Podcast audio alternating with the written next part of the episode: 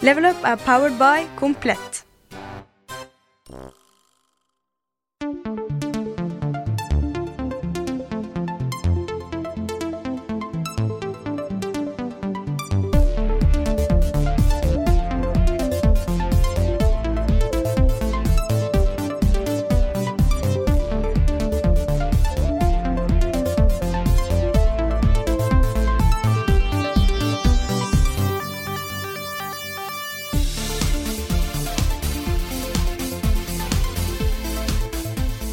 Velkommen tilbake, kjære svulmende skapninger, til en sensuell reise gjennom spillenes verden. Len deg godt tilbake, se deg i speilet, og elsk deg selv til lyden av Rimjob Rune og Kondom Carl. Velkommen til Level Up Cast. Ja, Rimjob Rune? jeg måtte finne på noe på R. Det var ikke så lett. Men uh, vi, ja, skal vi begynne? Ja, det er jo en spillpodkast dette her, da, egentlig. Det er jo det. Det er en reise gjennom spillenes verden. Ja, jeg trenger litt mer bolle etter den introen her. Ja, Driver og spiser sjokoladebolle. Mm. Mm. Men, deg, du driver og kjøper cola og boller til meg. Ja, Ja, jeg er sånn her eh, bringer av usunn mat inn til eh, Level Up-redaksjonen. er langer. Mhm. En langer. En langer. Mm. Sitter her med burn til og med, det er ikke så sunt heller. Men uh, noen ganger, når det er uh, tidlig-ish Det er ikke tidlig engang, det er klokka er to. Men eh, liksom før fire så er det greit å liksom våkne litt med en burn. Sånn, eh, når det gjelder akkurat deg, så eh, bedømmer jeg hva som er tidlig og ikke tidlig ut fra hvor smale øynene dine er. Oh, ja, Mm. okay. Så hvis det er liksom litt sånn du ser at det er ikke så lenge siden du sto opp, mm. så er det tidlig. Selv om Ja. klokka er to. Det, kan, det kan, nok, kan nok stemme, det. Altså. Mm. Det, er ikke, det er ikke bare bare. Det er ikke det. Uh, vi skal jo ha litt spillnyheter, vi skal svare på spørsmål, snakke litt om hva vi spiller om dagen.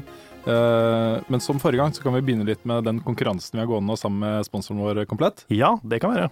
For vi gikk gjennom en del av de søknadene som vi har. Vi har gått litt hver for oss gjennom den massive søknadsbunken. Plukka ut noen, eh, noen vi mener eh, fortjener å vinne konkurransen. Eh, og det er da snakk om at vi kommer hjem til en person og rigger opp et dritkult gaming-setup. Eh, og det er så mye bra søknader. Det er veldig, veldig mye bra. Ja. Det er, også er, det er bra på så forskjellige måter også. Mm. Så det er det som gjør det enda vanskeligere å, å velge. Noen er liksom veldig morsomme. Noen er veldig sjarmerende. Noen syns vi er veldig synd på, fordi de har så dårlig utstyr. Så eh, det blir ikke, det blir ikke lett å velge, velge mellom dem. Det er mulig vi må eh, ende opp med noe sånn eh, loddtrekning med de, liksom de, de viktigste. Ja, for det er ganske jevnt mellom de på toppen, holdt jeg på å si. De som vi begge to føler fortjener bedre utstyr mest, da. Mm. Og jeg har ikke sett så mange utrolig ufattelig dårlige laptoper samla på ett sted noen Jeg, gang. begynner å, jeg begynner å skjønne hvor heldig jeg er som har et eh, OK setup hjemme. Altså. Nei, det, det skal man ikke kimse av. Man skal ikke det. Det er virkelig ikke alle som har det. Det er dyrt å være gamer. Ja, det er det. Nei, men jeg er helt sikker på at eh, den som vinner konkurransen, kommer til å bli veldig glad, i hvert fall. Det, Det er mange folk som fortjener det her. det er veldig mange som fortjener det. Vi burde bare kjørt uh, hver eneste episode. Burde vi hatt en sånn. Det hadde vært noe. Ut. Mm, Vi har bare delt ut alt uh, mulig rart hele tiden. mm, Du hatt får en spill-PC, du får Ja. en spill-PC. everyone's invited, og så Ja, bare kaster vi ut alt mulig bra utstyr til folk. Og penger har vi. Det er ikke noe problem. Å oh, nei, Oh, nei. Masse penger. Masse er penger. Bunnløst budsjett. Ikke akkurat. Nei. Nei, men nå går det fort framover her. Vi, eh, det kan hende at vi, altså, vi har fått søknader fra Harstad i nord til eh, Kristiansand i sør. Ja, Eh, og fra hele landet. alle aldre, alle kjønn, alt mulig. Ja, Så vi kommer ikke til å se på geografi når vi kårer en vinner her. Så det kan hende at vi må liksom sette oss i en lastebil med utstyr og kjøre til Harstad, Karl. Ja, det, hvor lang tid tar det å Nei, kjøre det til Harstad? jeg husker jeg, Faren min er jo nordfra. Eh, Jeg har vært der én gang, i eh, Finnmark, Kirkenes. Eh, Og da brukte vi fire dager, men da var vi jo små barn, da. Ja. Så vi tok liksom korte bilturer. Mm. Du kan kjøre dit på et døgn, ca. 18, jeg tror det er sånn 18-20 timer, ja, å kjøre ett strekk. Det er litt. Ja, det er lite grann. Ja. Så Da må vi droppe etere i så fall. Hvis ja, da må vi droppe etere. Mm. Nei, vi, vi har nå flere muligheter. Enten så gjør vi alt dette her neste uke. Ja. Eh, finner en vinner og reiser dit og rigger og filmer og klipper og, sånt, og har det i siste episoden før etere. Mm. Eller så gjør vi det eh, en gang da før etere, eh, og klipper det mens vi er på etere. Ikke oss, kanskje. Eh, og så har vi det liksom etter etere en gang. Vi får se. Ja. Tida og veien. Ja, for eh, sånn som det ser ut nå, så blir jo E3-episoden eh, sesongens siste episode. Det fikk vi jo spørsmål om også eh, i dag, gjorde vi ikke det? Ja, når sesongen slutter. Ja, Ja. og det er vel planen, i hvert fall, er jo at det skal være E3-episoden. Mm, jeg kan prøve, men Du kan snakke litt om det, så kan jeg prøve å finne hvem det var som stilte det spørsmålet. Så Ja. vi kan, Det er fint, for det blir jo, eh, ja, det blir jo da. Vi kommer til å avslutte sesongen med en heidundrende E3-spesial. Kanskje? Kanskje, for det er ikke helt det så her i Level Up, så er ikke alt som er satt i stein. Men uh, vi skal på E3. Vi reiser den 11. juni, og uh, skal først en tur til uh, Ja, skal jeg si det? Skal jeg si hva vi skal gjøre? Eh, ja, det kan du si. Ja, vi skal ha en liten svipptur til Las Vegas, fordi, eh, blant annet fordi Rune skal spille litt poker.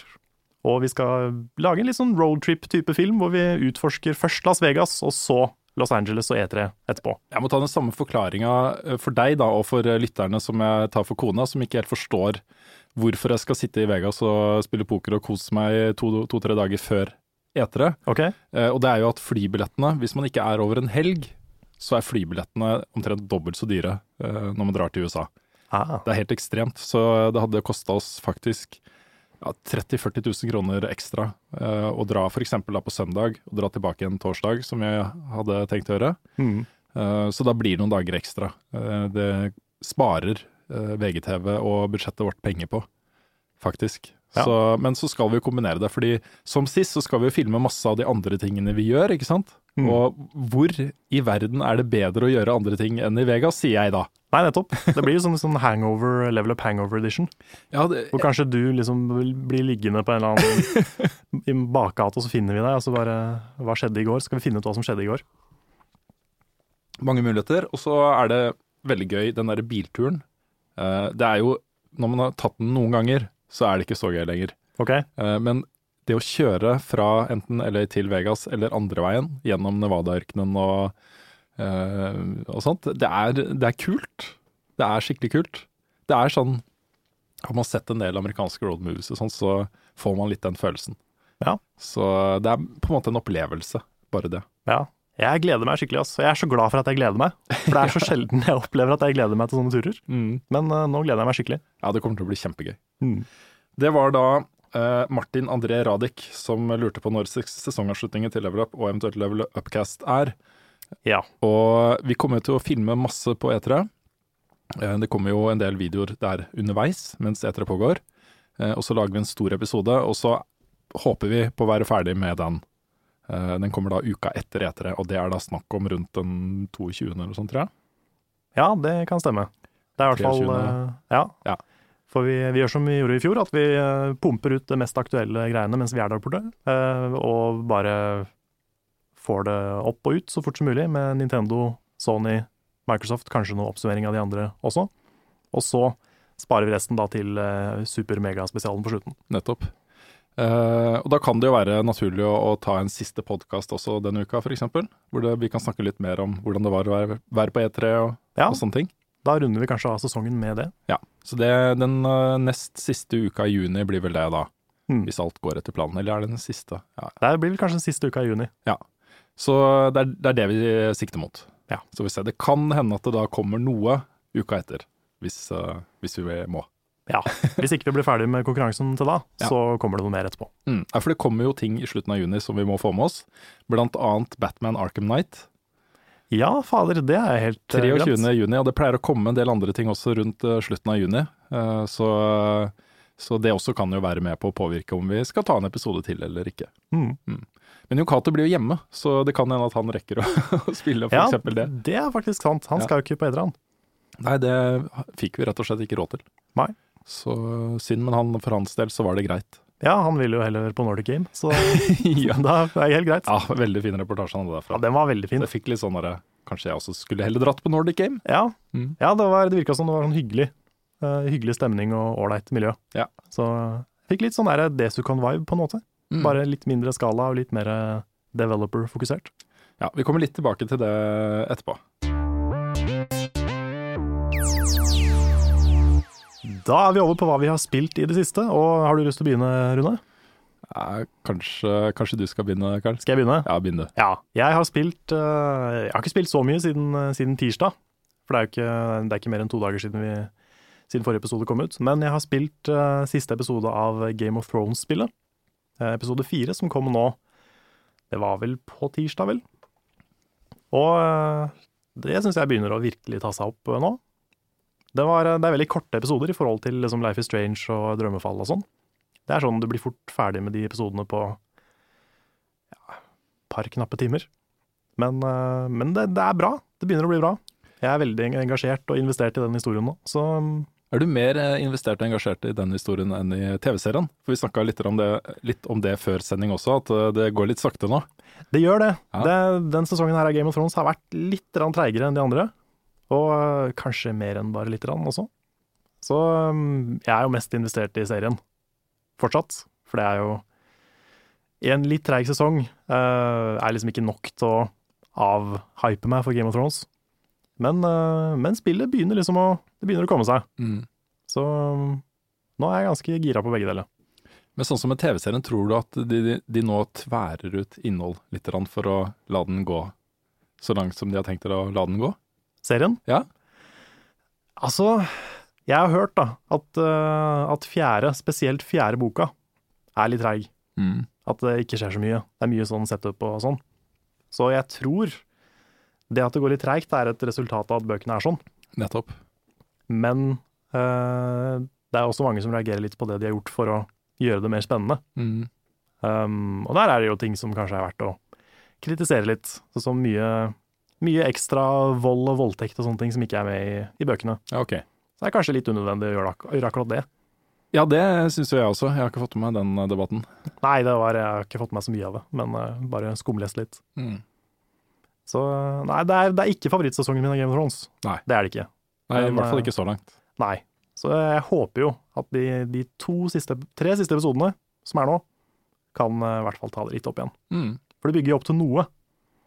Så um, jeg håper vi får en payoff. Ja, jeg satser på at vi gjør det. Vi må jo det. De har jo sagt det. De har jo det. At det kommer ting som er enda mer sjokkerende enn uh, de to andre episodene som har den statusen ja, før. Det, mm, vi, får, vi, får, se. Mm. Men uh, vil du snakke noe om hva du har spilt, eller?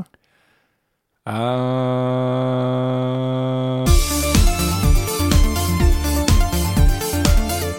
Vi har fått inn utrolig mye bra spørsmål denne uken, her, så vi tenkte å bruke litt mer tid på det kontra andre ting. Okay. Så det blir en litt sånn kort nyhetsoppsummering uh, i denne nyhetsdelen av podkasten. Uh, det er egentlig bare et par små ting som, som, vi har bare lyst til å nevne kjapt. Det ene er at Among the Sleep nå også skal lanseres på Xbox One og rekke Det rakk det akkurat ikke. ja, ja, ja. Jeg er med. Ja, prosit. Among the Sleep lanseres også på Xbox One.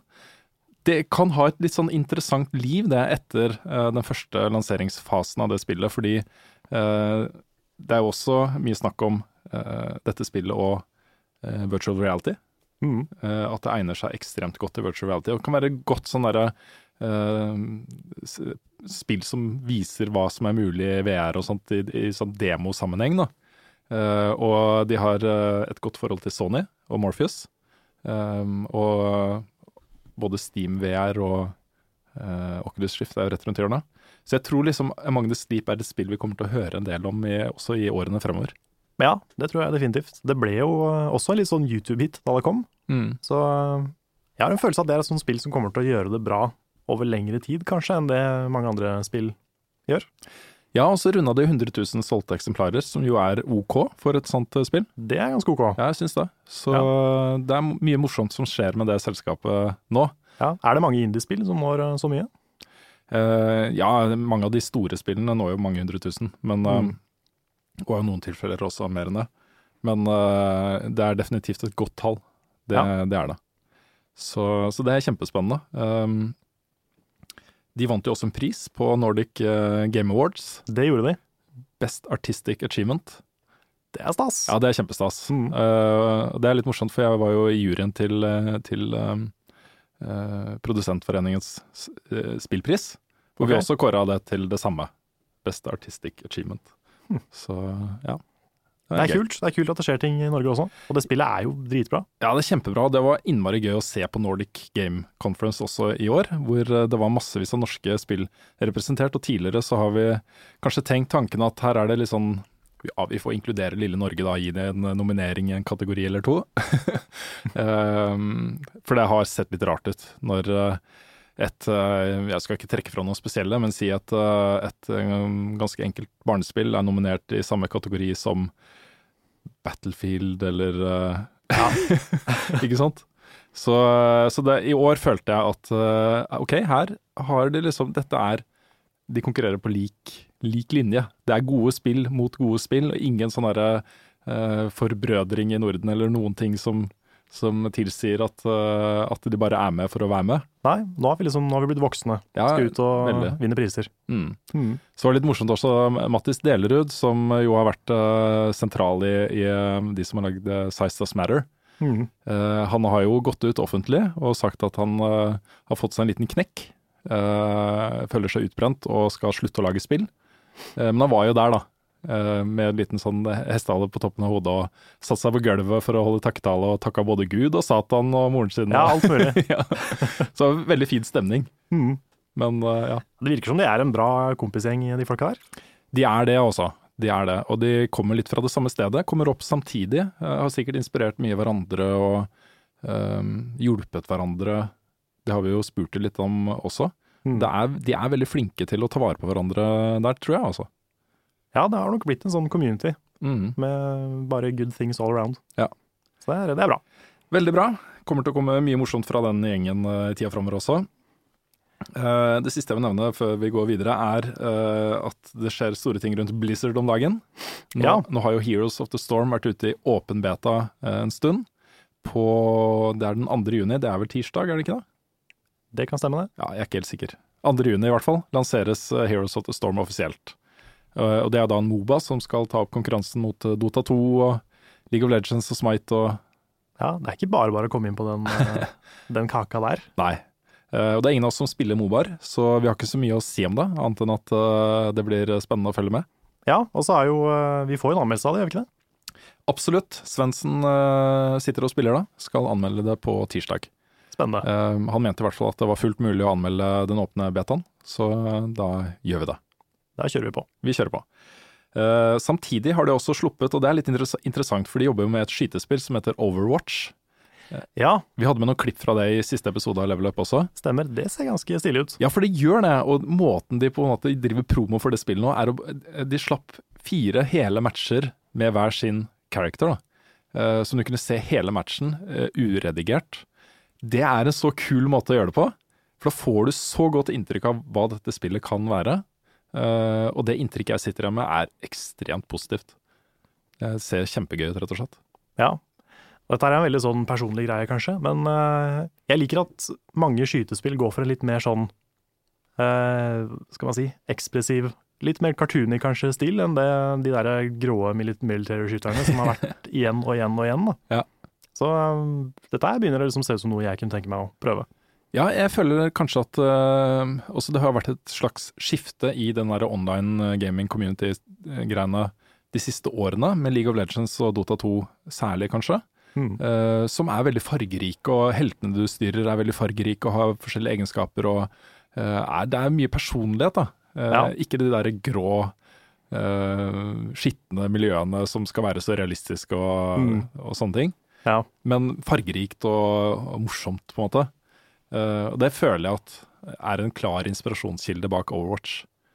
Uh, der skal du kunne skifte klasse nesten når du vil, tror jeg. I hvert fall mellom runder. Ja. Men uh, folk vil nok finne seg sine favorittklasser. Mm. Og min foreløpig er uh, gunslingeren. Jeg syns han ser så tøff ut. ja, han ser kul ut, han gjør det. Det, ja. Vi får håpe at ikke det blir en sånn ny Evolve som bare kommer og så blir borte igjen.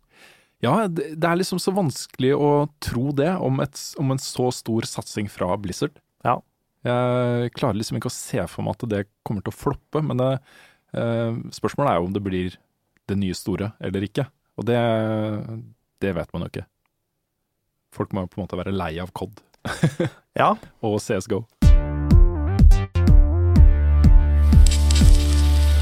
Da er vi over på den kanskje mest spennende delen av podkasten, nemlig spørsmål og svar. Og hva har kommet inn eh, denne uka? Massevis av spørsmål. Jeg tenkte å bare ta et eh, spørsmål som ikke er et spørsmål først. Ok? Bare for å forklare uh, litt saker og ting. Ja, nå, jeg har en følelse at jeg vet hva som kommer. Ja, altså vi hadde jo en anmeldelse av House of Wolves i forrige episode, Hvor jeg, når jeg så episoden etterpå, uh, plutselig innså at vi hadde snakka kanskje litt lenge. Så hadde, hadde, jeg visst det mens vi satt og prata om det, så hadde, hadde jeg prøvd å forkorte meg ganske betraktelig. Ok, Uh, Ti minutter var litt i overkant. Og etter musical-episoden vår, som også i stor grad handla om det spillet, ja. og jeg har jo snakka litt om det eh, andre sammenhenger også, så skjønner jeg at folk begynner å gå litt lei, og det har kommet en del sånne spørsmål ja. og kommentarer, tilbakemeldinger etter siste episode. Litt tilbakemeldinger om at liksom folk er litt mette på Destiny nå. Eh, velger en av de tilbakemeldingene fra Martin Rotmo. Han sier at det er herlig å se at jeg er veldig gira, men det blir kanskje litt feil å fokusere så mye på ett spill i så mange episoder. Um, han skriver også at syns det har gått fint fram til nå, men kjente at det ble nok etter ukens episode, og det tror jeg du følte også, Karl? Ja, altså Jeg må jo først si at det jo Det hender jo det blir litt sånn, siden level up er såpass ehm, personlig for oss. Vi, vi styres jo veldig av våre egne eh, spillevaner og, og sånn når vi lager programmet vårt. Eh, og det har jo skjedd før med f.eks. Trials Fusion, hadde vi mange episoder om for et par sesonger siden. Men, eh, men ja. Jeg er, jo, jeg er jo litt lei. Det er litt sånn, Jeg føler meg litt tom for Destiny-prat. Ja. Det er sånn, i hvert fall nå som ikke jeg spiller det lenger. Mm. Nei, jeg skal respektere det. Jeg skal respektere det. Um, så jeg skal uh, holde meg unna Nå sitter vi og snakker om det, men altså, det er jo forklaring. Dette er en slags uh, sånn gravferd for uh, min offentlige Destiny-lidenskap. Um, men jeg skal la det ligge nå. Jeg kommer til å anmelde delseere og sånne ting fortsatt, men kanskje ikke i ti minutter. Nei. Nei. Det er greit å si noe om det når det kommer noe nytt. Ja, for eksempel så har jeg en avtale på eh, E3. Det er hands on med noe Destiny-greier. Det Ja, ja. er jo sånt. Mystiske greier. Noe mystiske greier. Så, så jeg, jeg kan ikke ignorere Jeg mener jo at selv om jeg liksom er veldig personlig investert i det, at det er et av de eh, viktigste spillene i nyere tid, fordi den eh, peker ut en ny retning i spillmediet som jeg syns er veldig interessant. da. Det kommer til å komme mange spill i den gata her framover. Mm. Så eh, om fire-fem år så kommer de store konkurrentene til akkurat den type spill opp. og Det syns jeg er interessant. Mm. Men Martin Rotmo hadde et spørsmål også, Ja. så da tar vi det spørsmålet, og så går vi videre, ikke sant? Det gjør vi da. Ja. Ja. Farvel, Destiny. Eh, han Cue sad music. ja, nettopp. Mm. Uh, Martin Rotmo spør har dere spilt noen Early Access-spill i det siste, som Stranded Deep, Black Mesa etc., og hva syns dere om at spill gis ut på denne måten? Det er et stort interessant spørsmål. Det er det. Det er vel det eneste jeg har spilt i Early Access i det siste, er vel Besiege. Mm. Men det har jeg til gjengjeld spilt veldig mye. For det er sånn uh, Ja, jeg har snakka veldig mye om det allerede, men det er, eh, det er kreativt på alle de riktige måtene, Mm. for min del. Det, er, det føles som å bygge liksom teknikk-lego. Hvor du, du lager sånne små maskiner som funker, eller ikke funker. Og det er alltid liksom Det er både veldig morsomt når ikke det funker, og så blir du veldig stolt når det funker. Så eh, det er, eh, det er bare good times all around. Jeg Mm. digger det spillet. Og det syns jeg også gjør Early Access veldig bra, fordi eh, de holder liksom spillerne sine alltid oppdatert med up, updates. Kommer liksom her er noen nye blokker, her er nye levels, sånn. Og så sier de liksom hele tida hvor langt de er unna en, eh, en alfa-release, en beta-release, eh, sånne ting. Det er fortsatt masse igjen før det spillet er ferdig, men eh, det er liksom Det er fullt mulig å kose seg med det allerede. Og så kommer det nytt content av og til, og det, det er fint. Ja, jeg er fortsatt litt sånn delt. Jeg har delte meninger om Early Access. Ja, Altså, det finnes mange dårlige eksempler. Ja, eh, ikke bare dårlige eksempler, men som konsept også.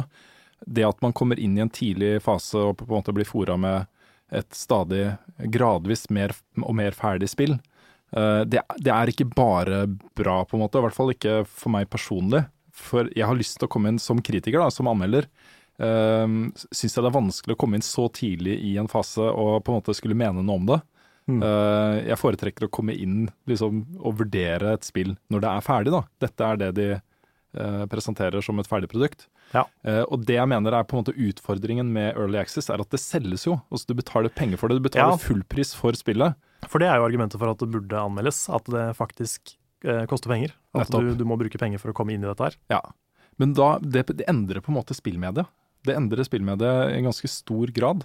Mm. Um, det er på en måte ikke ferdig opplevelse man får lenger. Man får bruddstykker av noe, man får se liksom antydningen til noe. Man får ikke den endelige visjonen til utviklerne. Eh, Det er ikke så stort problem med et spill som Besiege, f.eks. Nei, for det syns jeg er et spill som kler det. Ikke sant? Minecraft også var jo til en viss grad et spill som kledde det. Ja. Eh, og jeg prøver ikke å si at det ikke var mulig å få noe glede ut av Daisy, f.eks. i Early Access. Det er liksom fullt mulig å få mye glede ut av dette her, Mm. men gud bedre så mange bugs det var i Daisy. Eh, og kanskje et spill som det hadde hatt liksom enda større impact for ettertiden, hvis det hadde bare blitt ferdig for seg selv, Mm. og så kommet ut som et ferdig bugfritt spill, ikke sant? Det hadde det helt sikkert. Ja. For det, var jo, det ble jo stort en periode, Mm. men det kunne jo blitt så mye større hvis det faktisk hadde fungert ordentlig. Ja, det tror jeg også. Jeg tror det på en måte kunne fått en eh, nesten evig levetid. Og så er det mye abuse av det systemet der. Ja. At eh, folk lager et Early Access-spill, tar penger for det, og så oi, nå har vi fått penger. Nå gidder vi ikke gjøre det ferdig. Nettopp. Det skjedde jo med Skjedde det med Daisy, eller, var det, eller blir det fortsatt ferdig? Det, det, det siste jeg hørte, var at det fortsatt skal bli ferdig. Okay. Men uh, skaperne av spillet har jo forlatt prosjektet, Mm. gått videre til andre ting. Ja, og det er litt sånn, du får jo veldig vond smak i munnen av sånne ting. Ja, det er, det er en del fallgruber her. Eh, Folk må være klar over at de ikke kjøper et ferdig produkt når de kjøper det. Eh, Men når det er sagt, så får man også mulighet som fan av en utvikler eller et spillkonsept man liker veldig godt, eh, å komme inn og være med og finansiere at dette blir noe av.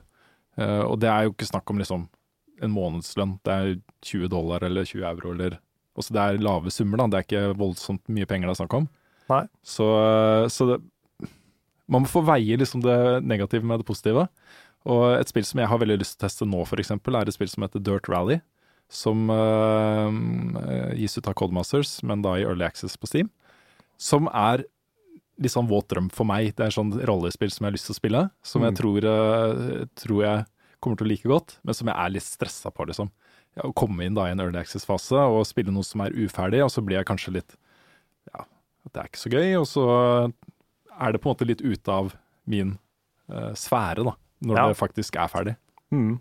Og så kom jo nettopp uh, Kerbal Space Program ut i full versjon, Ja, nettopp. Og det, det skulle vi anmelde. Mm. Det, det det skulle Jon Cato anmelde. Ja, det var litt morsomt det der, altså. Det var litt morsomt, fordi eh, var, det, var det på T-banen dere prata sammen? Ja. Ja, for du, du ba Jon Cato om å se litt på Kerbal Space Program. Ja, Han ville anmelde Affordable Space Adventures, Ja, sånn som er på en måte litt sånn tematisk i samme gate. Ja, Litt, i hvert fall. men eh, det han hørte, det var Kirby. Ja. Ja, så han anmeldte, han anmeldte Kirby istedenfor Kerbal Space Program. Ja, for jeg tror det hadde blitt en kul anmeldelse hvis du går liksom fra noe som er ganske blodtungt, Ja. som jo Kerbal eh, Space Program er, Mm. over til eh, Affordable Space eh, Adventures, eller hva det het. Så er det på en måte Det hadde vært en kul overgang, da. Mm. Det ble litt rar, den overgangen fra Kirby til Ja, Ja. Men, men da fikk vi anmeldt Kirby. Det hadde vi kanskje ikke anmeldt ellers. Så ja, Og akkurat den anmeldelsen i seg selv var jo veldig morsom, mm. så det var gøy. Ja. Mm. Nei, men øhm, jeg vet ikke hva man skal si. Det er på en måte en del av spillmediet nå. At man kommer inn på en kickstarter og early access og alfaer og betaer og Mm. Det er jo tosidige sverd, er det det det heter? Hele veien. Swords hele veien. Det er det. DLC og Early Access og Kickstarter og alt mulig. Ja. Det har fordeler og ulemper. Vi har snakka om å ha en sånn early access eller beta-spalte i programmet. Vi har det. Jeg, jeg tror at hvis jeg skulle gjort dette liksom mer jevnlig, fast, testa spill som ikke er ferdig ennå, så måtte jeg lagt litt lokk på meg selv. Spilt en time eller to og bare gitt sånn førsteinntrykk, på en måte. Ja. Jeg har ikke lyst til å grave meg ned i et spill som ikke er ferdig ennå. Nei, den, den ser jeg. Og så er det jo eh, Jeg vet ikke hvor mye du har sett av den der serien til Jim Stirling, hvor han går inn på liksom Early Access Squirt, eller hva han kaller det. Hvor han tester ut Early Access-spill, og de fleste av dem er jo helt forferdelig dårlige. Det er jo blant annet eh, den der historien hans om Digital Homicide, som lagde et spill som bare var Unity Assets, som hadde blitt uh, limt sammen, putta inn på en stygt map, og uh, solgt for penger. Så det er mye av det. Mm. Um, Kanskje nettopp derfor vi bør gjøre det litt av og til. Ja. Og så advare folk mot uh, svindlerne der ute. mm. Kanskje. Det er et nytt spill nå som heter Temper Tantrum, og det koster vel ti kroner, eller noe sånt. Men eh, det er de samme folka som lagde det første jeg snakka om, Ah. og de er bare en skikkelig gjeng med rasshøl. Hvorfor er ikke de banna fra Steam? Nei, si det. Det er det som er problemet med Steam, for de har liksom ikke noe kvalitetskontroll lenger. Så det er jo svindel, og det var jo til og med en, eh, noe malware på Steam for ikke så lenge siden. Så det er litt skummelt. Ja, det er det. De burde ha litt mer kontroll på hva som legges ut der. Altså. Ja, Vi tok en liten gjennomgang av uh, upcoming uh, spill på Mm. Steam tidligere i dag. Og det, det er jo så mye, en ting jeg aldri har hørt om, og det er Ja. Ja, og så blir ting blir liksom bare lagt ut i sånne puljer. Ja. Så plutselig så er det sånn her new game, så så er det bare Putt Putt goes to the zoo, og sånne ting. Ja. Så eh, ja. De burde kanskje revurdere litt den strukturen der, altså. Ja, de har innført den der kuratorfunksjonen som, eh, som jeg føler at de virkelig, virkelig kommer til å trenge etter hvert. Mm. Eh, folk som kan bare gå gjennom all smørja og lage anbefalt-lister. Ja. Og vi har snakka om det, vi burde jo ha en sånn kuratorliste Ja, vi vi burde også. definitivt ha det. Ja, men uh, vi får se. Det er noen etiske utfordringer ved å gjøre det også, så jeg føler vi er innafor. Men vi må ta en liten prat om det. Ja. Jeg også føler det er innafor. Men, eh, men ja, vi får ta en prat om det. Ja, den er, Hovedsakelig så går den etiske utfordringen i at uh, nå har jo Good Old Games lansert en egen klient, som er ganske lik Steam sin. Mm. Uh, Microsoft beefer opp sin PC-spillsatsing til høsten med Windows 10. Uh, så det er, det, handler, det er ikke bare Steam, liksom. Hvis vi først gjør det på Steam, så bør vi gjøre det på de andre også. Ja, Da bør vi- på bare revive Games for Windows Live, og bare Dette er spillet vi anbefaler på Windows Live. Men jeg har litt tro jeg på Windows 10 og måten de gjør det på nå. At eh, det blir crossplay med Xbox One og PC, og at du kan få opp hele din Xbox One eh, eller Xbox Live-profil på Windows 10, og at du kan sitte med en eh, Windows-telefon på bussen og eh, svare på friend requests og gjøre ting liksom i spillene. Det er liksom, Jeg, jeg liker tanken. Jeg syns det er en kul greie. Ja, jeg håper de klarer å liksom gjennomføre det uten masse kronglete DRM og sånne ting. Vi får vite masse om det på Etra. Det, jeg tror eh, den der cross-funksjonaliteten blir et hovedfokus på, på deres eh, pressekonferanse. Det er jeg ganske sikker på. Yes, neste spørsmål fra eh, Tor Helge Togvold. Han lurer på om vi, og med vi så mener han Carl, får Ah. reparert Triforcen min. Ha-ha. Ja, det må vi få gjort. Ja. Den, eh, den ligger jo og er eh, Den ser jo for så vidt hel ut, men den ene biten er litt løs, Mm. som dere kanskje fikk se på denne episoden. Ja, for vi fikk tilsendt en eh, Triforce-plakett Ja. som var lagd i tre. Den var veldig kul. Ja, av Tor Helge. Mm. Uh, og så skulle du bare vise den fram i en episode, du tok fingeren borti, og så ramla Ja, så datt den ene brikka ned. Så den er, den er på, men den er litt løs. Ja. Så det skal vi få limt ordentlig fast. Den er på, men litt løs, akkurat som deg, Carl. Ja. Ja. Nei, jeg vil ikke si jeg er så løs. altså. Nei, du er ikke så løs. Jeg er ikke så løs. Ikke nå lenger. Nei, jeg har aldri vært så løs. Nei, du har aldri vært så Jeg er. Jeg er faktisk, jeg er faktisk veldig ikke løs.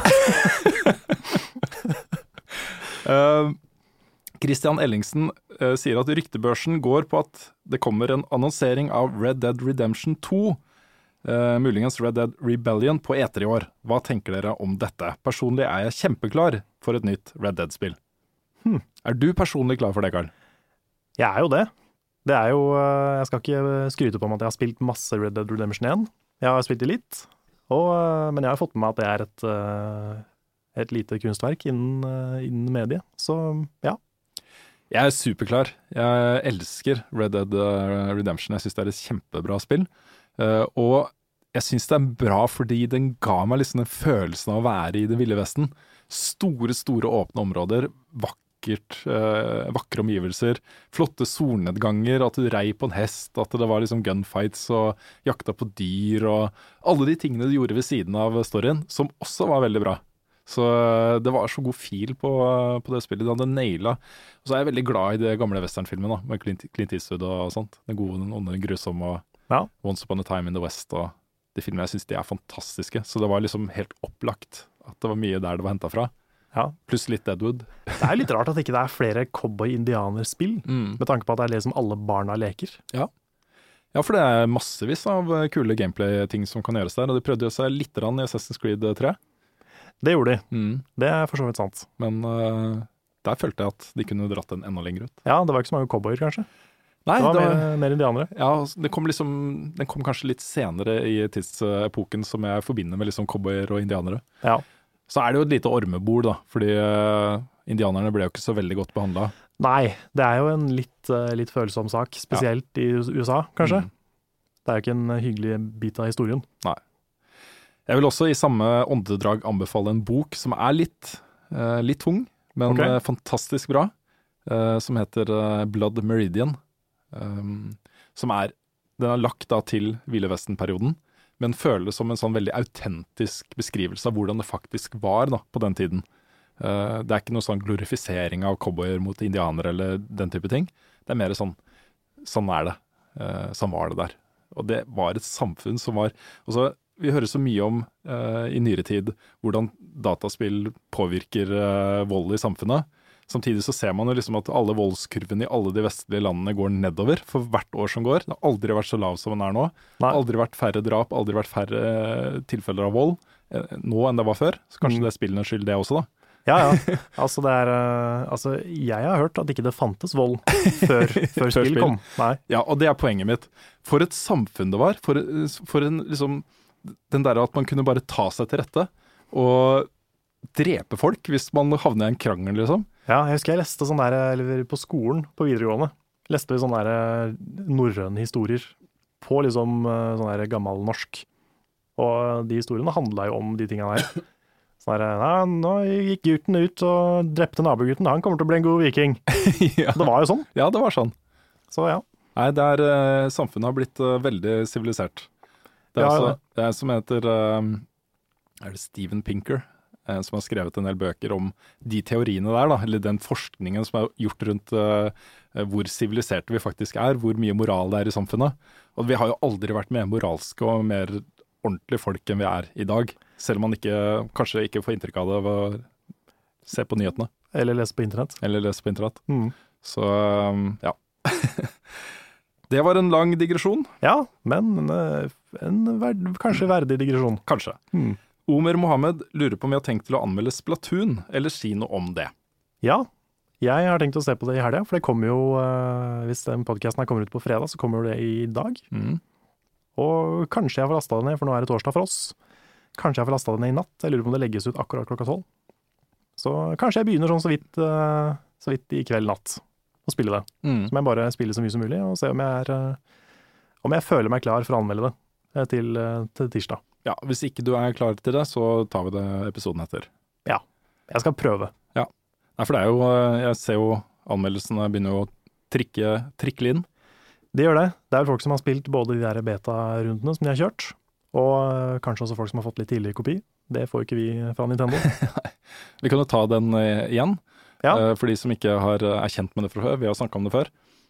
Men Nintendo for en stund siden så innførte de en del restriksjoner på uh, det å motta tidligkode av spill, altså spill før utgivelse. Mm. Uh, og det kom en del tilfeller som vi ikke kunne akseptere.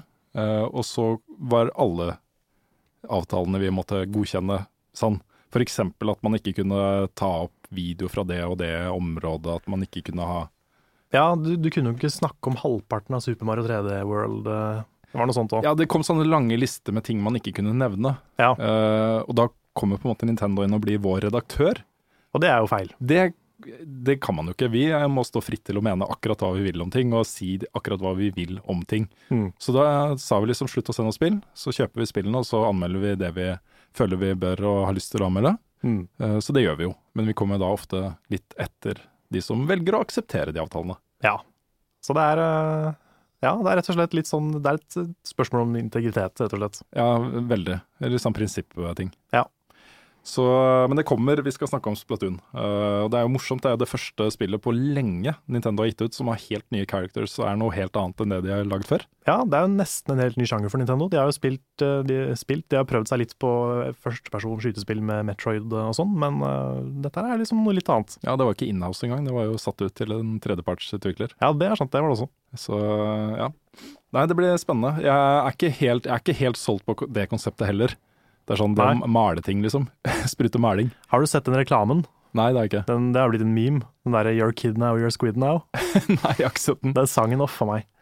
Det er kanskje den videoen jeg har sett fra Nintendo som har mest dislikes.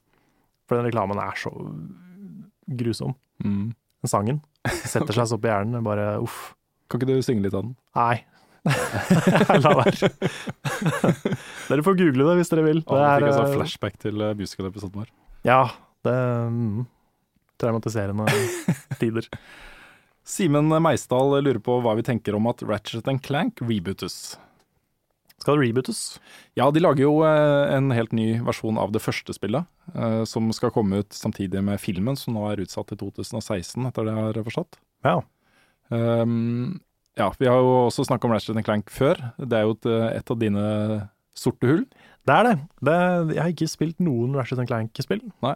Som er eh, litt rart, kanskje, men eh, jeg har bare ikke kommet så langt. Jeg har spilt alle, og jeg er veldig glad i serien. Og da særlig starten. De første tre spillene syns jeg var fantastiske. Og så syns jeg de har gjort mye bra ting i nyere tid også. Det var en liten sånn dipp hvor de fokuserte litt på andre typer litt mer sånn actionorienterte spill. Men jeg syns i nyere tid, de siste spillene som har kommet, syns jeg har vært kule.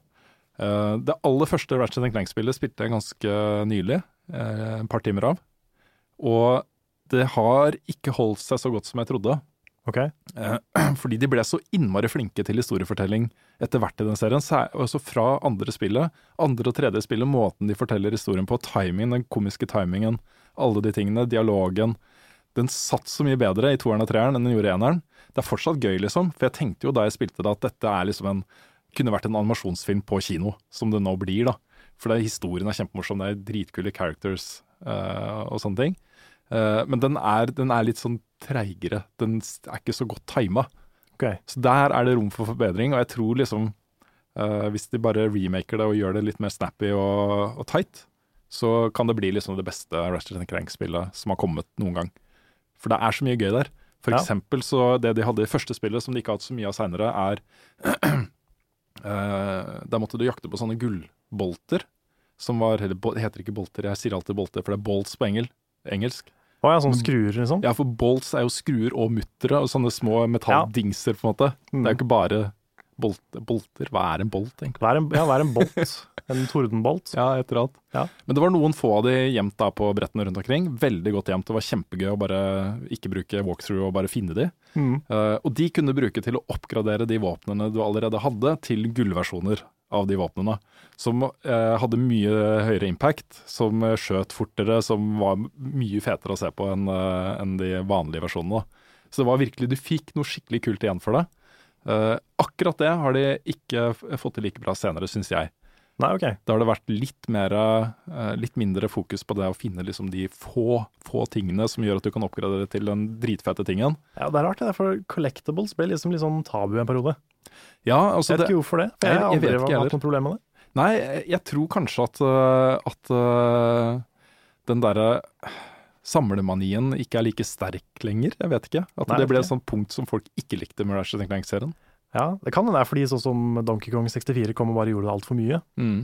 Men um, nei, jeg vet ikke. Jeg syns liksom trippel A-industrien har tatt noen sånne veldig skarpe svinger Mm. flere ganger. Som ikke jeg nødvendigvis er helt enig med. Ja. Sånn som at nei, nå skal vi ikke lage horrorspill lenger. Så kommer indie-folka og bare sprenger det markedet. Ja. Det, er, det er litt rart. Det er litt rart. Jeg tror i tilfeller av Ratchet Clank-serien også, så I mange tilfeller så naila de våpnene i det spillet. Altså, de var øh, De kunne ikke bli bedre, på en måte. Det var så mange kule ideer der. Når det da kommer oppfølgere, så må du prøve å overgå det de gjorde de forrige spillet, ikke sant? Mm. Uh, og det er vanskelig, det er ikke så lett.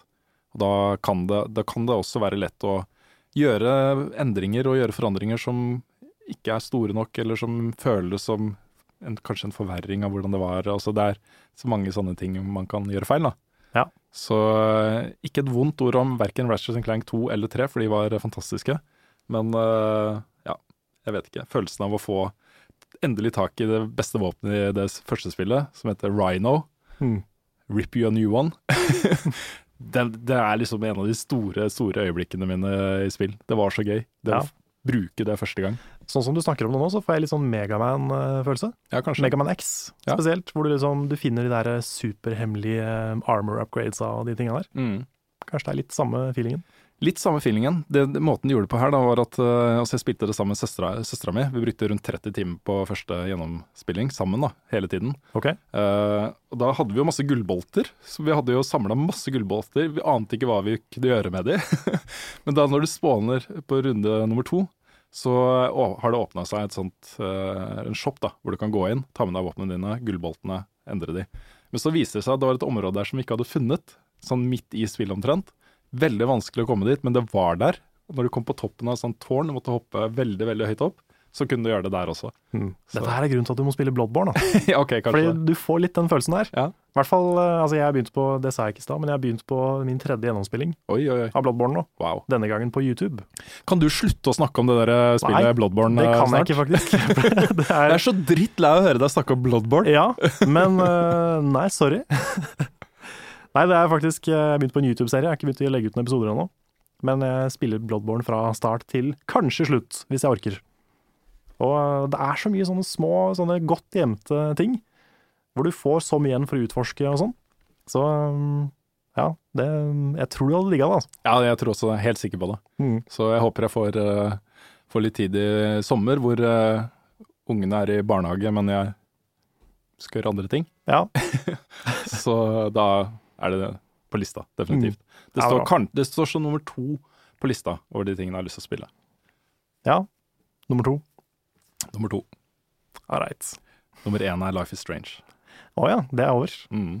Ja, jeg har mer, jeg har mer lyst til å spille. Jeg blir så nysgjerrig. Du har snakka så mye om det. Ja, nei, men jeg, jeg kan for så vidt støtte den. Mm.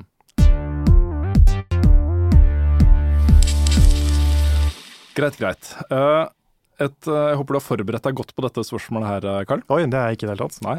Nei. Det er fra Tobias Oftedal Stokkeland. Hvis dere skulle fått en hvilken som helst egenskap eller kunnskap dere ville, hva ville det vært? Det kan være alt, fra å være mattegeni til å bare være morsom. Oi. Um, Så jeg, tenk, jeg tror ikke han tenker på sånne superkrefter. nei, Det er mer sånne, sånn eh, oppnåelige egenskaper. Personlige egenskaper. Ja. Eller eh, kunnskap eller ferdigheter eller noe sånt. Jeg tror jeg ville vært et musikalsk geni. Bare kunne spille liksom piano og gitar og alt mulig. Det ville vært min uh, ting. Ah, veldig godt valg. Jeg hadde egentlig et valg, men nå er det sånn Spille elgitar. Være en elgitargud dukka Ja. plutselig opp i hodet mitt. En gammel drøm. jeg har litt for korte fingre. Ikke at det betyr noe, Nei? men jeg har litt for korte fingre til å øh, være god på de grepene man må ta. da. Jeg Ja. prøvde, liksom. Det, ja. Så jeg hadde egentlig tenkt å si språk. Altså bare kunne alle språk. Være flytende på alle språk. Hadde Ja, jeg det tenkt å si. kult. Da kunne du vært en uh, sånn infiltrator-agent i alt mulig. Hva som helst. Mm. Kunne vært hva som helst. Det, Ja, det er ikke dumt det heller. bare å komme et sted og kunne språket. Jeg er veldig glad i å reise, så det hadde Ja. vært kult. Da kunne vi vært, vi kunne vært sånne der eh, team investigators, hvor liksom jeg gikk rundt og spilte musikk, mens du drev og, drev og spionerte på de andre folka samtidig. Ja. Vi bare felt den russiske mafiaen. Ja, jeg kunne ha spilt trommer veldig dårlig eller noe sånt, men jeg samtidig, da. eh, Så har du den der super hearing-tingen hvor du bare følger med. Ja. Mm. oi, oi, oi. Dette høres ut som en uh, ny actionserie på HBO. Litt av team. Jeg fikk en idé, jeg tar den luften eh, litt nå. Okay. Men eh, når eh, Metal Gear Solid 5 kommer, hadde det vært så morsomt å lage en Metal Gear Solid-historie. Sånn overløpende historie på episoden. ja. For den er, det, er, det går an å hente ting der som er på en måte veldig ikoniske for serien, og gjøre vår vri på det. Hm. Med på det, eller? Jeg er sikkert med på det. Vi får snakke litt om det. Ja. Eh, Remi Granheim lurer på hvorfor Rune alltid får de mørke og dystre spillene, mens Carl alltid får de koselige spillene. ja, Det er jo ikke helt riktig, men det eh, er ikke helt riktig. Nå sitter jeg jo, som sagt og spiller mye Bloodborne. Det er Mm. kanskje det minst koselige spillet jeg har spilt noen gang. Men um... jeg tror det inntrykket har satt seg, fordi du har snakka mye om eh, Sonic og Fine Fantasy, og ikke at Fine Fantasy er så lyst hele tiden, men Nei, eh, det er det jo ikke. Men eh, nei, altså det har jo selvfølgelig litt med personlig smak å gjøre. Eh, du spiller mye skytespill og racingspill. De er kanskje ofte ikke så veldig fargerike og bubbly, mens eh, jeg er mer inne i sånn type RPG. eh, litt plattform, litt action, adventure og sånne ting. Som ofte har litt mer farger og litt mer eh, kos. Mm. Men Når det er sagt, da, så eh, når de beskyldningene kommer, så, så er jeg jo ikke enig helt i de. Ok, da må jeg bare legge på. Telefonringer. ringer. Avvis. Eh, fordi du har jo spilt Bioshock Infinite, elska det. Uh, Left uh, Hva heter det? Last of Us. Last of Us. Mm. Uh, elska det, liksom. Altså tunge, tunge ting som er skikkelig tunge og Som Ja, ja. er på en måte min, min greie, da. Men det er jo Mm. din greie også. Det er definitivt min greie også. Ja. Det er um, Jeg tror for meg så handler det litt om det samme som Jon Cato prata om i den Trolldal-spalten hans. At jeg Det at noe er mørkt, gjør ikke automatisk at jeg blir mer gira på det. Mm. Det er sånn, Hvis historien er mørk og, liksom, og bra, så er det kult. Men den der eh, 'vi skal være så voksne', den har aldri funka på meg. så det er sånn, spillet må være noe mer enn bare mørkt og voksent, Ja. på en måte. Ja, det er jeg helt enig med deg.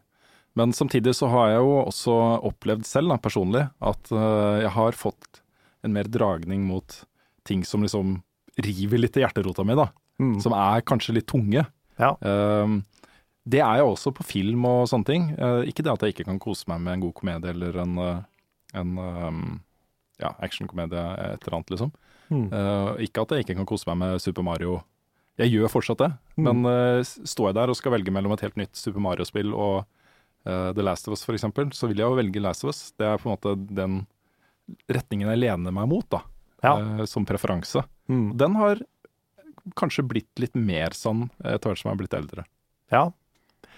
Ja, jeg også har jo litt den. Jeg tror du kanskje har den enda mer.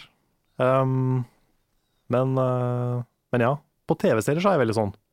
Det, er, uh, det skal mer til for at jeg skal liksom se en uh, veldig sånn low stakes-serie på Netflix for eksempel, enn noe som er litt mer sånn hvor jeg faktisk er litt redd for åssen det kommer til å gå. Hvor det faktisk er ganske høye stakes, sånne ting. Så um, ja, kommer veldig an på humør og sånn også, for min del. Det er Noen ganger så vil jeg ha noe skikkelig dark, som type Game of Thrones, uh, Daredevil-opplegg. Andre ganger så er det koselig med litt sånn hygge.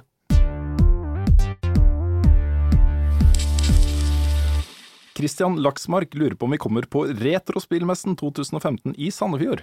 Uh, ja, vi gjør vel det. Vi gjør vel det. I hvert fall noen av oss. Hvert fall noen av oss. Vi uh, snakka om det. Det er jo et par svære retromesser i Sverige, par-tre stykker nå, eh, som vi vurderte å dra på og lage ting fra. Uh, det vil si Jon Cato hadde lyst til å gjøre det. Mm. Eh, men vi sparer den reportasjen til, eh, Til det norske. til, til det norske. Ja. Jeg har jo fått med meg at det skal komme litt kule gjester der også. Mm. Blant annet Brental Floss fra Yes. YouTube. Han har jeg fulgt med på siden sikkert 2006 eller noe Mm. sånt. Så eh, får jeg mulighet til å intervjue han, så er jeg veldig solgt. Det skal du nok eh, se at du får gjort, eh, Karl. Jeg syns det. Ja. Det har vært fett. Han virker som en bra kar også. Ja da, jeg tror nok det, det lar seg ordne. Det er jo kjempemorsomt at de prøver å få i gang noe stort og fast, den gjengen der. Det er jo en hyggelig, hyggelig gjeng. Vi har mye kontakt med dem. Ja, og vi var jo der i fjor Mm. og dekka messa da. Så veldig klar for å gjøre det igjen. Jeg blir gjerne med i år. Ja. Så Jeg passer tror- det jo godt til sesongstart også, for det er vel i slutten av august. Det er det. Kanskje vi skulle dratt hele gjengen, rett og slett. Ja, det er morsomt. Jeg tror veldig mange er gira på å være med. Kanskje vi kunne gjort noe, gjort noe der? Noe live podkast eller et eller annet? Ja, kanskje det. Kanskje det er sesongstarten for podkasten? Ja, Vi får med Brental Joss til å være Ah, det. Det hadde vært noe. Det hadde vært noe. Kjøre en hel podkast på engelsk. Åh, Oi, oi, oi. oi, oi, oi, oi. nå som jeg er så språkmektig og har fått disse superegenskapene, så Ja, kan jeg bare gjøre det. Da kan du bare prate, du kan velge aksent ja. på hele podkasten på irsk. han spør liksom Å, du er fra den, det lille teststedet utenfor Houston? Ja. Eller No, Brent. I'm just really good at accents. I'm Irish. I'm Irish. I'll be fighting for my own hand. Rune Jacobsen lurer på hva vi foretrekker å spise når vi gamer. Mm. Mat. Mat, ja. Godt. Det er jo Jeg er veldig, veldig glad i å lage pizza og lasagne, så det er kanskje mye det. Men det er så mange spill som er vanskelig å spise til. Ja, det er det. Sånn uh, Life is Strange, for eksempel, er veldig bra. Mm. For der kan du liksom Så lenge du har én hand på musa, så kan du gjøre hva du vil med resten. det høres alltid feil ut, man, men uh, dere skjønner nå hva jeg mener. Ja, jeg skjønner hva du mener. Ja. Jeg, altså, jeg spiser ikke så mye vanlig mat når jeg gamer. Da føler jeg meg litt sånn Klarer jeg ikke å ta meg pause for å spise en brødskive engang, liksom. Å nei. Sånn eh, hvis jeg spiser vanlig mat. Å ja, Når jeg, når jeg spiser ordentlig mat, så tar jeg, da går jeg bort fra spillmaskinen og så setter jeg meg ned og så spiser jeg ordentlig mat. Og så kanskje jeg leser avisa samtidig eller et eller annet. Oh ja. ja, for da er vi helt motsatt. Fordi, okay. fordi jeg er sånn, jeg klarer ikke å spise uten å gjøre noe annet samtidig. Oh ja. Jeg må liksom enten se på noe, eller spille noe. ja, men du er så småspist. Det er liksom, Ja, det er jeg. Uh, men det hender jo at det blir litt sånn uh, snop, da. av Sånne ting, liksom. Mm. Og det er litt morsomt, fordi jeg spiller med litt uh, folk på min, samme, på min alder også. Håvard, for eksempel. Ja. Uh, og det er litt morsomt. Uh, han er sånn Kan plutselig si 'Å, nå kom kona med eplekake og krem', Oi. for eksempel. Uh, hvis jeg da kanskje sitter med Jeg vet ikke. Noe et eller annet. Og de andre sitter med potetgull og sånt. Men han har lyst liksom eplekake med krem. Ja. Det var en eller annen gang han fikk Han hadde noe voldsomt dippgreier og sånt. Og han, han tok foten ned i dippen. Ja, Husker du det? Ja, det, da, var, da var vi der. Det var morsomt. Mm. Uh, nei, jeg, jeg må innrømme at jeg tenker litt på det, fordi jeg liker jo å ha liksom et eller annet å knaske på liksom, mens, jeg spiser, nei, mens jeg spiller. Ja. Uh, men da må det jo være ting som man ikke blir for fettete på fingrene av. Det er sant. For det er litt ekkelt. Ja, du kan ikke spise ostepop mens du spiller PS4, for eksempel. Det er eh, vel det siste man kan spise, kanskje. Ja. Men uh, noe potetgull som ikke smuler så mye, eller uh, M, eller uh, Mm. sånne ting, liksom. ja, jeg kjøpte mye rart, rart godteri og rar drikke sist jeg var i Sverige. så kan du liksom nyte Bloodborne med en Mamba en fruge, for eksempel. Det er fint, det. Ja, det er kjempebra. Ja. Nei, jeg prøver ikke å bli altfor mye av sånt, da, men eh, det er digg. Det er det. Kosestund. Definitivt. Marius Bakke lurer på om vi har noen forventninger til det nye Need for Speed. Ja, du er jo bilspillmannen her, så du kan jo ta den. Ja, altså Jeg har jo spilt masse Need for Speed-spill opp gjennom årene, eh, og det er jo noen klare høydepunkt, eh, høydepunkt her. Eh, Første Hot Pursuit, for eksempel. Første Need for Speed Underground, Most Wanted. Det har kommet en del spill i denne serien som jeg syns er innmari bra, da. Eh, og det som den serien alltid har gjort bra, er eh, at de på en måte gir deg litt følelsen av å være en sånn gateracingkultur. Uh, at det er litt tøft, liksom, eller litt sånn morsomt, mer enn at det er realistisk. Ja. Uh, og det, det har de alltid vært, ikke alltid, det har de ofte. Noen ganger har de vært veldig gode på det. Mm.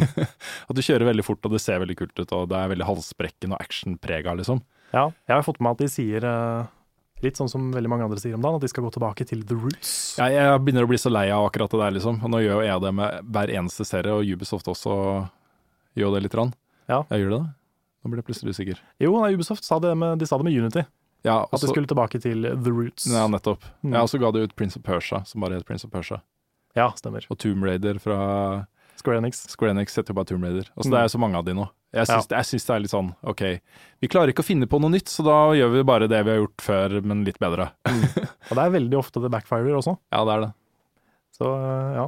Jeg vet ikke. Det som har vært den store baugen med Need for Speed-spillene, har jo vært at bilhandling og bilfølelsen og veifølelsen og fartsfølelsen eh, har variert så mye. Noen ganger er den fantastisk, og da er spillet bra. Noen ganger så er den skikkelig dårlig, og da er spillet dårlig. Så min, eh, mitt største håp for dette spillet er at det føles skikkelig godt å kjøre de bilene. Ehm, det spillet jeg liker best der, er faktisk Hot Pursuit 2 på PlayStation 2. PlayStation 2-versjonen var eh, en egen versjon, og så kom Hot Pursuit 2 på andre plattformer også, men den versjonen var ikke like bra. Okay. Men Hot Pursuit 2 var bare så fantastisk. Så jeg håper liksom litt på den bil- og veifølelsen fra det spillet. da. At det, ja, du kjører noe som føles skikkelig monstrøst ut på veien. At det er litt kick i det, at det er litt uh, følelse der. da. Ja. Så får vi se, da. De sier også at de skal Hva er det, de- hva er det de sa igjen? Uh, De skal liksom ha en skikkelig bra story denne gangen her. Ok. Det skal være flere overlappende historier. Oi. Det gjør meg jo skeptisk. Ja, Ja. du spiller kanskje ikke bilspill for storyen bestandig?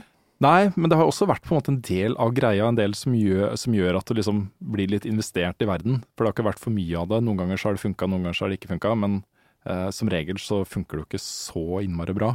Eh, og i hvert fall så er det en, eh, en mulighet for å feile ved å fokusere veldig på det. Ja. Så vi får se. Og så skal de også eh, eh, De skal ha, få fram autentisk bilracing, altså gatebilracing-kultur. Det også er sånn Yo, what's happening, dudes? Ja. Liksom, Mm. Får de til det, på en måte? That's rad, bro. Ja, that's rad, bra. Bra, sier de. Bra. Bra. Bra. Ja. Brosef. Så det er også en annen fallgruve. Det kan også gå begge veier. Ja.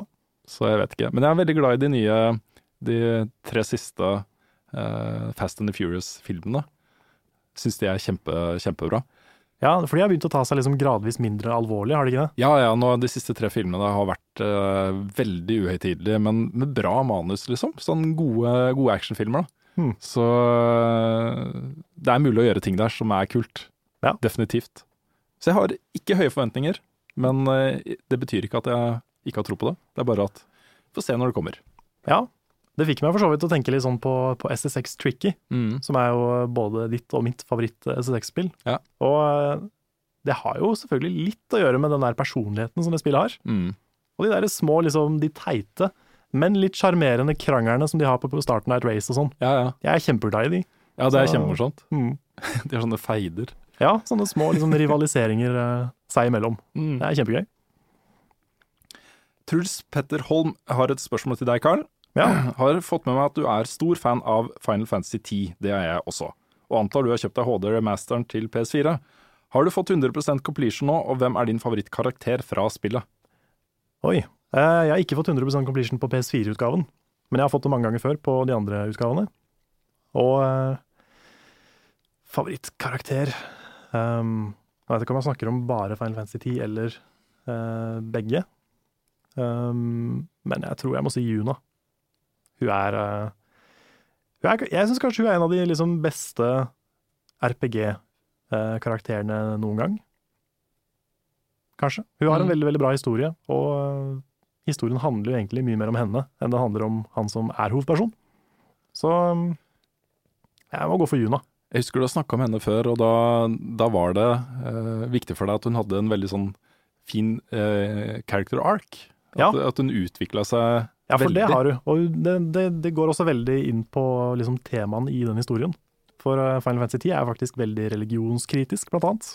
Og hun starter jo som en sånn veldig religiøs, eh, veldig opptatt av å ofre seg sjøl til både det ene og det andre. Da. Men etter hvert så tar hun liksom mer og mer avstand fra det. Og eh, kommer fram til ting som er litt spennende.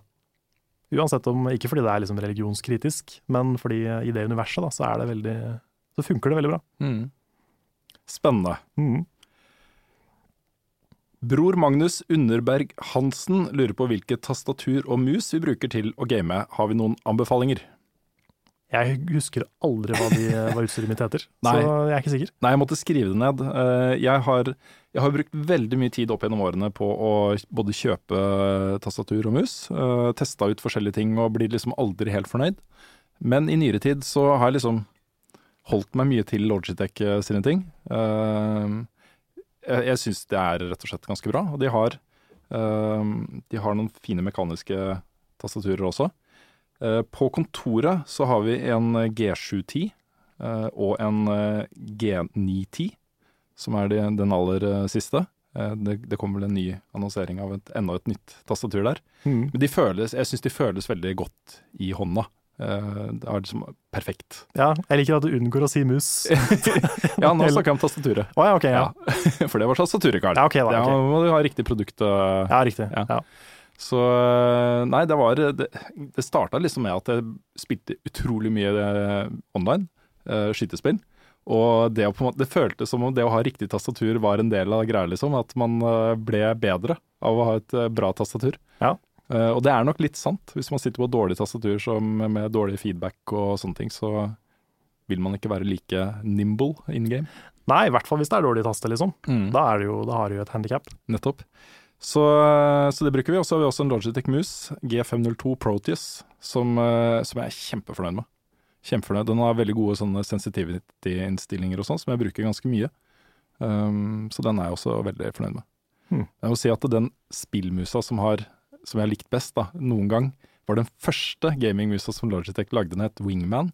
Okay. Den hadde ikke hjul engang, den hadde bare tre knapper, og så hadde den en sånn litt sånn firkanta form. Men det, det å ha liksom det grepet på, på den, på den, det føltes helt riktig. Ja. Uh, ingen, uh, ingen mus i nyere tid som har fått meg til å føle like, Nei, bra. fått deg til å føle det samme. Nei. Nei. Med unntak av én, da, men det Moving on. Moving on! Uh, det er et veldig relatert spørsmål. Ja. Uh, Rune Lærum Lien som lurer på hvilket headset vi anbefaler til PS4. Med god lyd og god mikrofon på. Til PS4. Ja. Der har jeg bare dårlige erfaringer, egentlig. Ja, jeg har også bare dårlige erfaringer. Jeg har faktisk Det beste jeg har brukt der, er at jeg bare har brukt eh, Jeg har et sånn Bose Quiet Comfort Noise Reduction headset med mikrofon.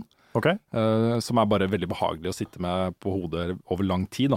Så, så den har jeg brukt mye. Men uh, alle vi kjenner som har det headsetet jeg skal nevne nå, uh, sier at vi må bare kjøpe det.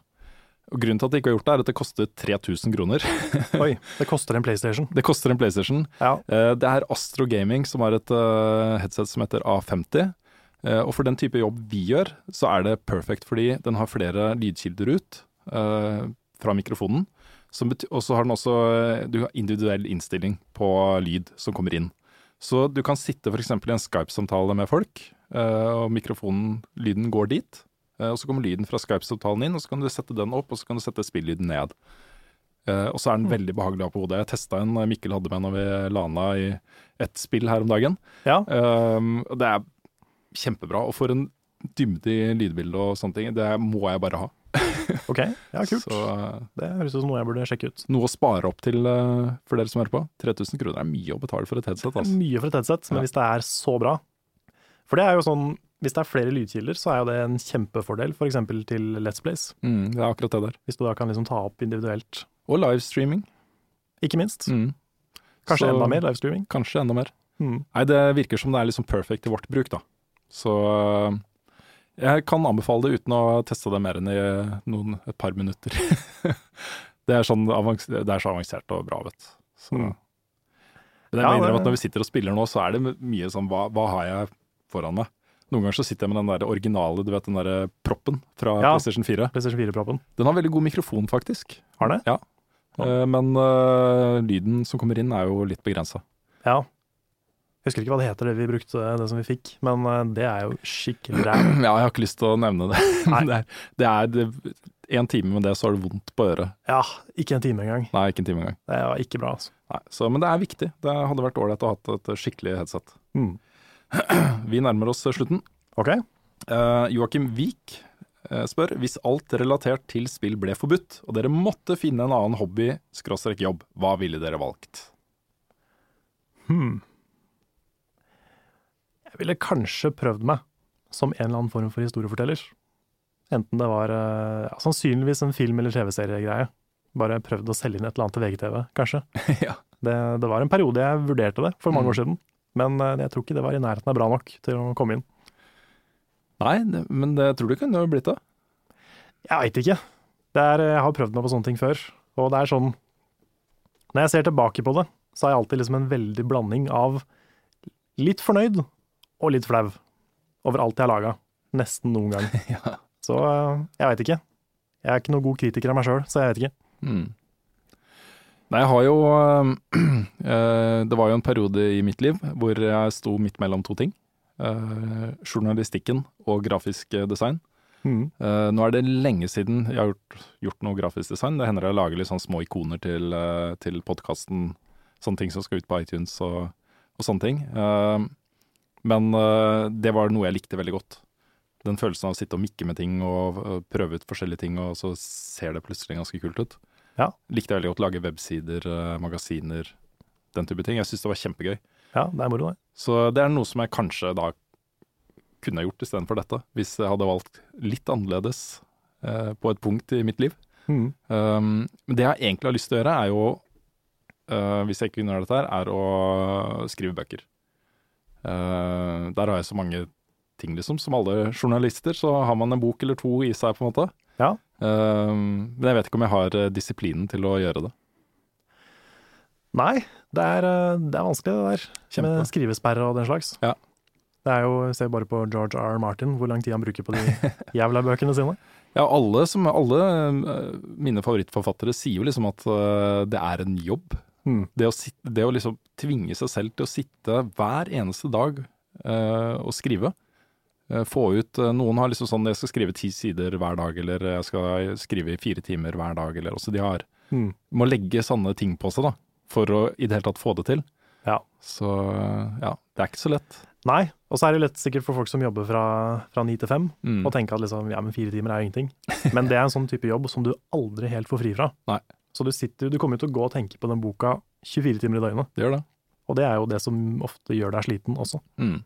Her må jeg trekke fram en, eh, en tidligere kollega av meg, frilanser for VG, som heter Kristine Storli Henningsen. Ok? Som eh, Hun jobba for masse forskjellige medier som frilans i den tiden hun også lagde barnespillanmeldelse for VG. hun satte seg plutselig bare ned og skrev boken. Og så skrev hun en til og en til og en til, og har blitt liksom forfatter nå. Og har skrevet masse ting som har fått veldig gode anmeldelser og, og sånt. Og nå har det vært et år i, i, i Panama, eh, hvor hun har sittet og skrevet bøker, og ungene har gått på internasjonal skole og, og sånt. Og hun har så disiplin på det. Og så det å få til at det var tre unger og masse andre ting å gjøre, og så setter hun seg ned og bare skriver bøker, som er bra, liksom. Jeg får så respekt for det. Ja, det er imponerende. Ja, veldig. Så kanskje det er håp. Kanskje en dag. Ja. Det er på en måte en del av min livsplan, da. Å en gang sette meg ned og faktisk skrive en bok. Ja, Men bare se for deg den dagen barna flytter ut. Ja. Tenk så mye tid du har da. Ja, det er jo for så vidt et godt poeng. Ja. Eller den dagen jeg slutter å spille. Ja. et spill. Um, Even Åke Det må vel lov å hinte litt til av og til? Det er lov. Ja, ja, ja. ja det er ja det er gærent. er Helt greit. Even Åkesson uh, sier Jeg har lyst til å komme inn i Metal Gear Solid-serien, men hvilket spill burde jeg begynne med? Ja, Ja, Det lurer jeg også jeg, litt på. Ja, også meg. Jeg, jeg, vil, eh, jeg, jeg sier det samme hver gang. Begynn med Metal Gear Solid 1 hvis du kan. Ja. Uh, og det er jo en del av den Legacy Collection som kom ut, tror jeg. Eller er det, er det ikke det? altså det er jo mange av de som ikke har eneren, har jeg fått med meg. Ja, for det tror jeg er en av de som har det. Men jeg, nei, vent da, er det det? Jeg er usikker. Det fins på, på PC i hvert fall. Ja. Og så finnes det jo til nedlasting på PS4. Ja, det gjør det. Eller PS3 i hvert fall. PS3 i hvert fall, ikke ikke PS4. PS4. Nei. Nei. Nei, så jeg ville begynt med den, og det er fordi uh, det er her Hideo Kojima setter opp historien. Uh, den foregår midt i tidslinjen, liksom. Sånn, uh, noen sier at man kan begynne med Metal Gear Solid 3 og ta det liksom kronologisk i forhold til tid. Ja. Men den er jo ikke laga i den rekkefølgen. Nei, for da blir det litt som å se Star Wars 1-3 først. Gjør ikke det? Jo, det blir litt det. Uh, og det er veldig mange av de tingene som kommer da i tidslinjen før Metal Gear Solid eh, 1, som har så mye større impact når du liksom har spilt Metal Gear Solid 1. Hmm. Så eh, det er, det, det er aldri sånn at den på en måte er, er avhengig av å ha spilt de andre spillene for å få noe utbytte av det. Det er aldri sånn. Nei. Men uh, du blir så investert i disse rollefigurene og den historien her, at uh, det å få den her Aha, var det sånn det var? det er så kult, da. Mm. Så jeg ville spilt i rekkefølge. Det eneste spillet som uh, jeg tenker at man kanskje kan spare til slutt, er Metal Gear Solid 4. Fordi det er slutten. Det er konklusjonen på sagaen. Um, der får du dukker opp, hele gjengen. Uh, så så det, det føler jeg er på en måte innafor, da. Det er greit. Uh, og det er vel ute i den Legacy Collection, men også på PS4. Da. Nei, på PS3, mener jeg. På PS3. På PS3, ja. Ja. Så PS3 har alle. Jeg tror det. Ja. Jeg tror til og med den der største collection-greiene har uh, mulighet til å låse opp Metal Gear 1 og 2, men jeg er ikke helt sikker nå. Hmm. Som vanlig så snakker vi ut, ut Ja, så her har vi gjort grundig research, Grundig research. for hvert eneste spørsmål vi skal svare på. Ja. uh, men jeg vil i hvert fall anbefale å begynne med den serien. Ja. Jeg tror faktisk Metal Gear Solid 1, selv om det er liksom clunky kontroller og de tingene som den, det spillet ble kritisert for allerede den gangen, da, så kommer man inn i det. Man bruker en time på å bli vant til det, og så er man på en måte vant til det, og da får man en helt fantastisk opplevelse. Mm. Det er så mye kult i det spillet. Så ja. Siste spørsmål, og nå vet jeg om en som blir veldig glad her, fordi det er en lytter av podkasten vår som helt fra vi begynte å legge ut uh, antydninger på Facebook-siden vår om at eh, vi vil ha spørsmål, har stilt det samme spørsmålet hver uke. Igjen og igjen. Ordrett akkurat det samme spørsmålet. Ja. Han heter Kim André Gjerde. ja. Han spør Synes dere selv at dere er flinke til å svare på spørsmål fra seerne, og hva kan dere eventuelt gjøre for å bli enda flinkere? Jeg er veldig engasjert i det spørsmålet. ja. Jeg har aldri sett en person være så engasjert i å stille et spørsmål som Det det er, der. så, det er litt så rart spørsmål å være så engasjert i, kanskje. Ja, litt. Mm. Uh, hva skal man svare på det? Jeg vet ikke. Vi kan snakke litt generelt om det da isteden, fordi eh, vi får jo utrolig mye tilbakemeldinger. Det gjør vi. På mail, på Twitter, på Facebook, eh, overalt. Eh, folk Vi har ikke, har ikke kjangs til å svare på alt. Nei, Ikke kjangs i det hele tatt. det er, det er sant. Vi får liksom Det er vanskelig å styre på alle de forskjellige stedene folk kontakter oss. Ja. Det er litt derfor vi eh, liksom pusher mailen vår ofte, Mm. på Facebook når det gjelder podkast-spørsmål.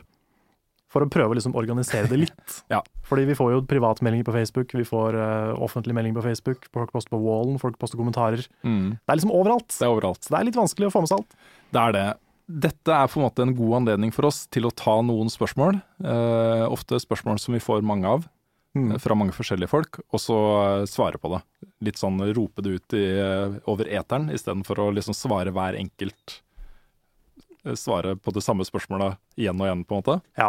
Vi kan jo ta kritikk på at vi er ikke verdens flinkeste folk til å svare på mailer bestandig heller. Nei, vi er ikke det, dessverre. Og det er kommet inn så mange hyggelige mailer som jeg ikke har fått svart på. Dårlig samvittighet for det. Men det er på en måte eh, Vi bruker allerede veldig mye tid på å kommentere ting, svare på ting, eh, ta tak i ting, Mm. følge opp ting.